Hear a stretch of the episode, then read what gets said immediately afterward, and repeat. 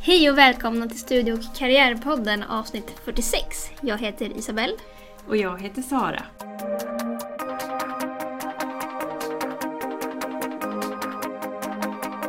Och det känns jättekonstigt att säga det här, men eh, det här är ditt sista avsnitt, eller ja, i den här formen i alla fall. Ja, det är mitt sista avsnitt som anställd på Uppsala universitet, i alla fall för den här gången. Precis, Isabelle ska faktiskt lämna oss här och även Studio Karriärpodden som mitt ankare. Eller, och det känns jättekonstigt.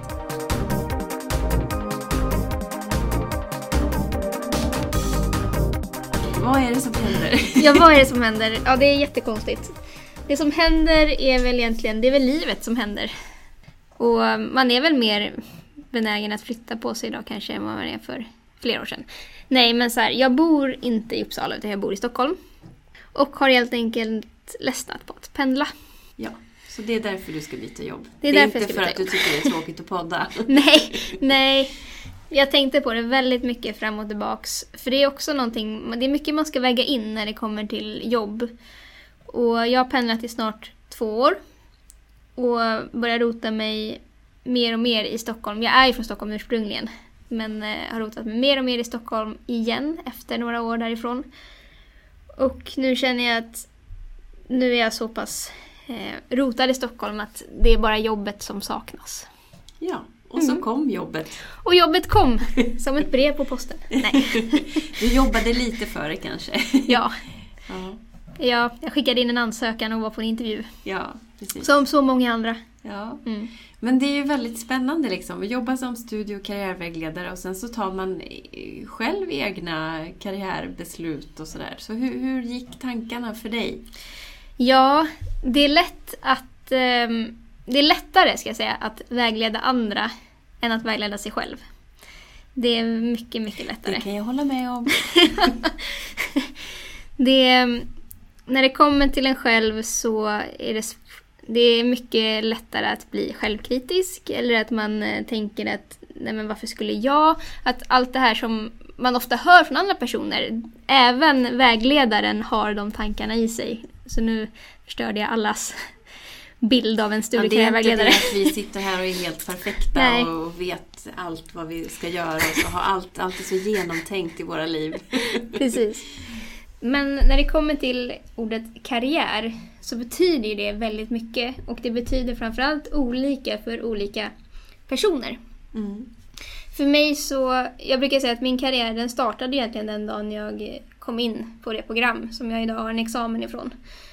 Och det är ju där jag påbörjade att bygga upp det jag behöver ha för kommande yrken eller eh, kommande kanske olika karriärsvägar på olika sätt. Karriären är ju inte det, det har jag sagt i tidigare avsnitt, men det är inte, karriären är inte det man hela tiden strävar efter att nå utan den pågår ju hela tiden. Så, och sen är man ju på olika stadier i sin karriär, olika tider i livet. Man, eh, ibland så kanske det handlar mer om att få det där toppjobbet eller ibland så handlar det om att vara föräldraledig och kanske backa tillbaka ett steg för Mm. att det är någonting annat. Men eh, jag kände väl att jag ville testa på någonting nytt också. Jag trivs jättebra här där jag jobbar idag men kände att jag har ju bara gjort det här.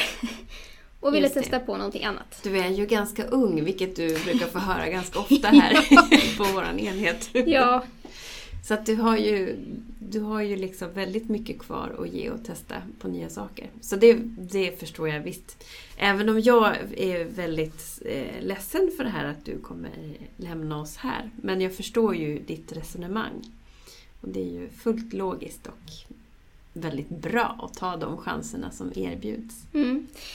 Och jag ska ju som sagt vara, jag ska börja på en gymnasieskola i Stockholm som studie och yrkesvägledare. Så du börjar en lite ny inriktning nu helt enkelt.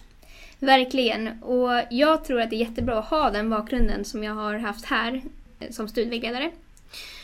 För att jag ser vart de här, en del av de här eleverna är på väg mot. Att kunna kom, liksom, eh, lägga ihop gymnasiestudierna med framtida studier på universitet är eh, någonting bra att ta med sig, tror jag absolut. Absolut. Jag, jag tänker också, där är det ju... Du ser på något sätt var de här studenterna, eller ja, vad eleverna är på väg när de sen blir studenter. Liksom. Men vad tror du om skillnaden att vägleda studenter jämfört med elever? Vad Har du någon liksom fundering där? Ja, det, framförallt så är det där jag verkligen måste lära mig att nu är det inte längre studenter, utan nu är de ju faktiskt elever. Det kommer bli svårt. Ja. Jag kommer kalla alla för studenter. Eh, ja, egentligen så är det inte så stor skillnad i arbetsmässigt. Det är ungefär liknande frågor som jag får här eftersom att jag jobbar, eller vi jobbar mot programstudenter. Alltså de vi träffar har ofta redan gjort sitt val.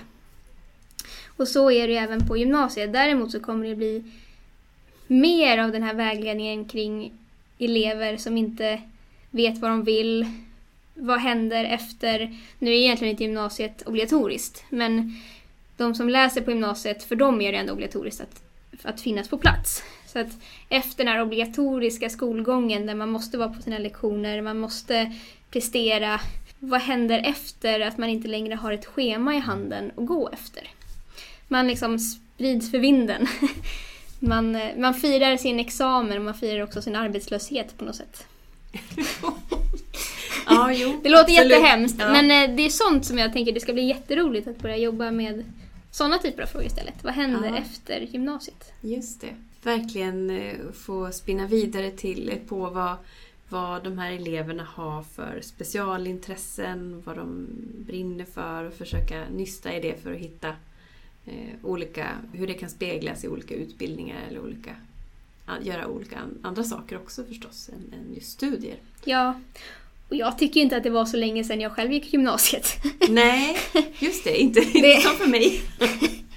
Nej men det är väl, jag tog eh, studenten 2009. Så eh, det var det, nio år sedan som jag själv var i den där situationen. Och jag kommer ju ihåg hur man själv tänkte och resonerade och det tror jag också är bra på ett sätt att ha med sig. Du har det ganska nära till hands liksom. Mm. Mm. Ja men absolut.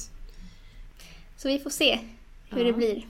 Ja, men jag ser fram emot att du ska dyka upp här och komma och hälsa på och ta med dig lite elever och visa dem hur det är på Uppsala universitet och Mm. komma och träffa oss som jobbar med de här programmen. Precis, och det där är också en ganska naturlig övergång. att Även fast jag försvinner härifrån, alltså jag har sagt upp mig och försvinner från Uppsala universitet, så är det ju alltid en arbetsplats som jag har haft och alltid på något sätt kan relatera till.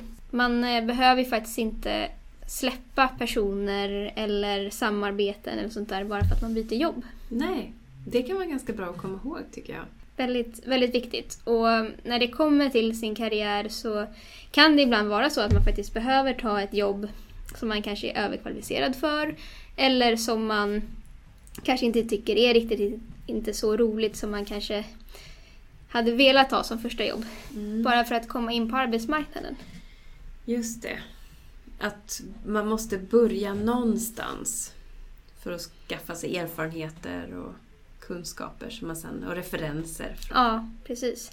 Och referenser, det var jättebra att du säger det, för det är otroligt viktigt att man får med sig från sina arbeten. Att man framförallt frågar efter Mm. om man får använda det som referenser. Ja. Man tänker efter, är det här en referens vad skulle, eh, som skulle gynna mig helt Mm. enkelt för framtida yrken? Hur viktigt är det, tycker du, att ha liksom chefsreferenser? Att ha en referens från någon, någon, den närmaste chefen eller sådär? Det tycker jag är jättebra att ha. Att ha en chefsreferens när man söker jobb är ofta, det slår ofta högre. Många som anställer vill gärna ha en chefsreferens. Eh, Och jag kan ju säga, för mitt första jobb efter examen var ju faktiskt här på enheten fast som administratör. Mm. Vilket jag sökte för att jag tyckte att det lät som ett väldigt roligt och intressant jobb och för att jag jobbade väldigt nära er som studievägledare. Jag fick ett år på mig egentligen att skolas in i hur är det att jobba som studievägledare på ett universitet. Ja, Det var den perfekta övergången, skulle man kunna precis. säga. Ehm, och efter det så sökte jag jobb som studievägledare på, på den här enheten. Och fick eh, komma på intervju och fick även det jobbet. Och det innebär ju att jag har ju bara haft en chef. Och när jag sökte mitt nya jobb nu så efterfrågade de min chefsreferens. Och det innebar att jag fick ju helt enkelt ta telefonen och ringa upp min nuvarande chef. Ja. Och eh, Hur kändes det då? det... Nu är det så, vi har ju så pass bra chef. Ja, ja. Så att på så sätt så var det ju inga problem. Men det i sig kan ju vara ett problem. Hur skaffar man sig sina första referenser? Ja, precis. Mm. Men i det här fallet så gick det ju bra och hon ställde upp och jag fick jobbet. Men eh, det är klart att om det är så att man ska använda sig av en chefsreferens för ett jobb där det är ens nuvarande chef, då gäller det att man verkligen är säker på att det är det jobbet som man vill ha. Mm. Annars ska man nog vara ganska försiktig där. Ja, precis. Det kan ju vara svårt liksom.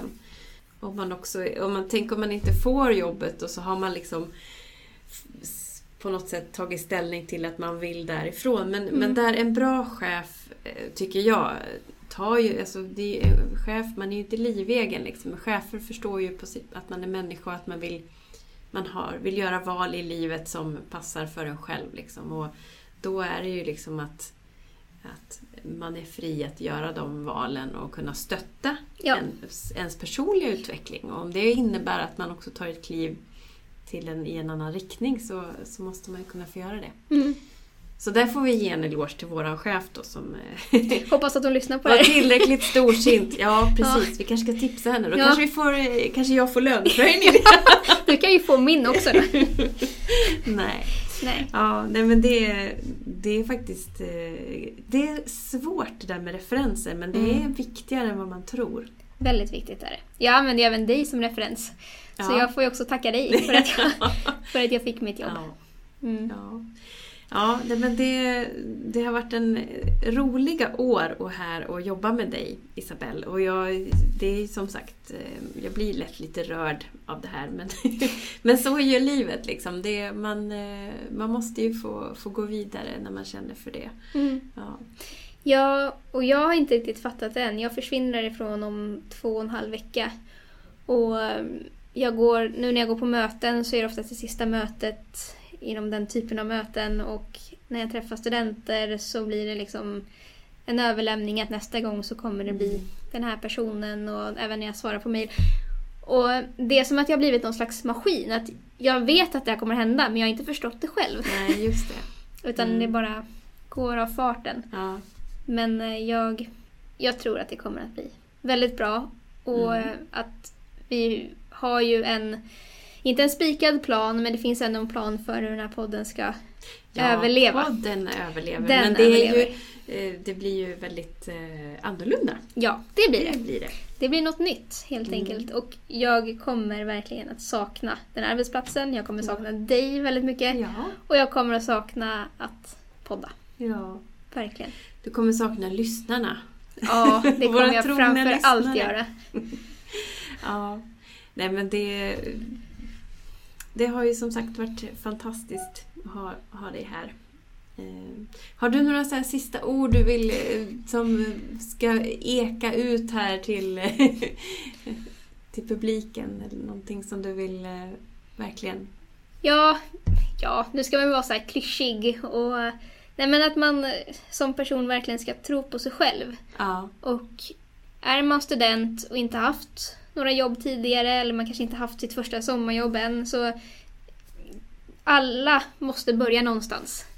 Och våga ta hjälp när det kommer till att skriva CV. Våga ta hjälp när det kommer till personligt brev för att få det så bra som möjligt när det faktiskt handlar om att kunna söka sina första jobb. Det är väldigt, väldigt viktigt och det finns många här på Uppsala universitet som är bra på att hjälpa till med sånt när det kommer till just karriärvägledning och utformning av det. Hur man ska presentera sig på sin första intervju till exempel. Just det. Om det sitter någon där ute och har lite ont i magen nu när det snart är sommar. Eller ja, det är snö ute. Men, men eh, när man ska det också börja söka sommarjobb och sånt där. Mm. Jo, det finns hjälp att få. Ja. Med det här så avslutar vi det här avsnittet eh, och den här epoken. Ja, det känns jättekonstigt. Ja. Men jag vill tacka alla lyssnare och framförallt så vill jag ju verkligen säga att utan den här podden, tänk vad många personer man inte hade träffat. Hur Absolut. mycket besök överallt man inte hade fått. Den här resan till Gotland som vi gjorde. Ja, Det har verkligen varit någonting bra att skriva på sitt CV.